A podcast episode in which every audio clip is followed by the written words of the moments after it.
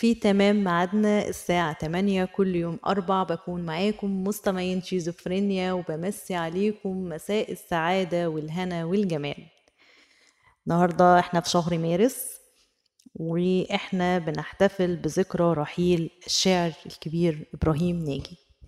فاخترنا قصيدة من أجمل القصائد اللي اتغنت بها السيدة أم كلثوم وهي للشاعر الكبير إبراهيم ناجي. الشاعر إبراهيم ناجي آه، كان اتولد سنة 31 من ديسمبر سنة 1898 ووفاته المنية في 27 مارس 1953 يعني تقريبا كان آه، وقت وفاته كان عنده 55 سنة. آه، اتخرج من كلية أو مدرسة الطب في الوقت ده ما كانش كلية كان مدرسة الطب. سنة 1922 آه، عشنا رحلة طويلة جدا مع الشاعر إبراهيم ناجي من القصائد الكتيرة جدا اللي بيها الحب. واخترنا النهاردة زي ما قلت لكم قصيدة الأطلال. آه، الأطلال اتغنت بعد وفاة الشاعر إبراهيم ناجي ب 13 سنة. غنتها آه، السيدة أم كلثوم. آه، كوكب الشرق بعد 13 سنة سنة من وفاة إبراهيم ناجي سنة 1965 القصة بتاعت بين الأطلال اللي هم يعني هي ليها قصتين. ربما تكون واحدة فيهم صح زي ما إحنا عارفين إحنا بنحاول إن إحنا نقرأ ون وندور أكتر نشوف إيه الصح. فاحنا لما بنلاقي حاجتين بنعرضهم. آه القصتين هنقول لكم آه القصتين بتاعتهم دلوقتي. اللي هي قصة الأطلال. آه ودي أقرتها الفنانة اللي مكتوب لها ال ال أو زي ما هي قالت أو زي ما قيل إن كتب القصيدة دي فيها هي. هي الفنانة زوزو حمدي الحكيم. الفنان أو الشاعر إبراهيم ناجي آه، كان مازال يعني مع الشعر بيمارس مهنة الطب بتاعته ما تخلاش عن مهنة الطب.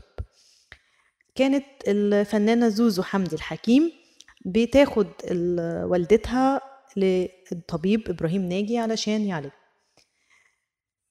كان بيكتب لها على الروجيتات بعض الأبيات أو بعض الكلمات وهي ما كانتش بتاخد بالها منه آه، من الكلمات ديت أو الأبيات واتجوزت حد غيره وعاشت حياتها وهو كان معاه الأبيات دي كان بيكتبها عنده برضو يعني مسجلها عنده. بدأت آه، لما جيت غنت أم كلثوم الأغنية. هنتكلم برضو عن الأغنية وبعد كده هنحكي بقى الحدوتة التانية للأغنية دي. أولا الشاعر الكبير آه، أحمد رامي غير في بعض الأغنية آه، عشان تبقى سهلة الغنى أو زي ما بيقولوا الإيقاع الموسيقي. يعني هي مثلا في حتة يا فؤادي لا تسل أين الهوى. هي في الأصل يا فؤادي رحم الله الهوى. وأضاف أو وضع سبع أبيات من قصيدة الوداع لإبراهيم ناجي. يعني هو ما جابش من شاعر تاني لأ هو جاب من نفس الشاعر اللي هو إبراهيم ناجي. سبع أبيات من قصيدة اسمها قصيدة الوداع. آه، الأبيات دي كانت بدايتها هل رأى الحب سقارى مثلنا؟ حتى يعني لحد فين بقى؟ لحد وإذا الأحباب كل في طريق. آه، دايما مشهورة قوي حتى هي القصيدة دي بالجملة دي هل رأى الحب آه، هي المفروض سقارة لكن علشان النغم أو التلحين أو الكلام ده خلوها السقارة مثلنا آه، البيت ده أو الحتة دي بالذات يعني كان من من أكتر الجزئية في الأغنية اللي بيعشقها جدا جدا المستمعين. اللي لحنها وقام بتلحينها هو الموسيقار رياض السنباطي.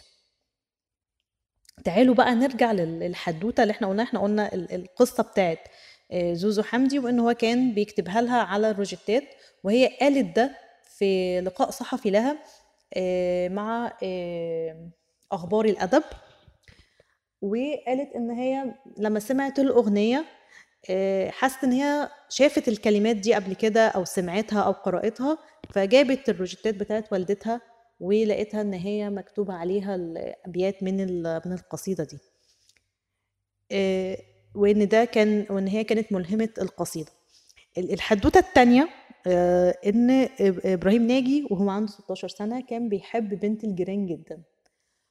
وانتهى الحب هي اتجوزت حد تاني وهو فضل يحبها آه، أو كان مازال الحب عنده موجود آه، تجاهها ومرت بيهم الحياة لحد ما كان في في مرة راجل آه، في العمر الأربعيني جاي بيستنجد بيه بيقول له إن زوجتي بتولد وإلحقها وإن هي بتموت وكده. فهو راح وبينقذها أو بيحاول إن هو يعمل يولد أو كده يعمل عملية الولادة. آه، حصل إن انفاسها هبطت قوي فطلب منهم إن هم يكشفوا وشها لأن هو كان زمان بيغطوا الوش عن الدكتور أو كده. فطلب منهم يكشفوا وشها عشان تعرف تتنفس ففوجئ بإن هي حبيبته اللي هي بنت الجيران اللي كان بيحبها هو عنده 16 سنة. حاول يمسك نفسه جامد جدا وقعد يعني يمسك أعصابه شوية وقالوا إن هو كان عيط في الوقت ده. وهما بيحضروا للعمليات علشان تدخل عمليات وكده. وفي النهاية قام بعملية الولادة ورجع آه، بعد الفجر بيته وبدأ يكتب آه، قصيدة الأطلال. يعني كلنا عارفين أو يعني اللي يقرأ حياة الفنان أو الشاعر إبراهيم ناجي هيعرف قد إيه هو كان مرهف الحس جدا جدا بدليل القصايد بتاعته كلها ومنها قصيدة الأطلال. خلصت حدوتة النهاردة وقصيدة الأطلال. آه، رحم الله آه، الفنان آه، أو الشاعر إبراهيم ناجي ورحم الجميع. في ذكراه بندعو له بالمغفرة والرحمة. وهسيب لكم اللينك علشان تسمعوا قصيدة بين الأطلال اللي تغنت بيها كوكب الشرق أم كلثوم واللي كانت من كلمات إبراهيم ناجي. دمتم بخير وإلى اللقاء.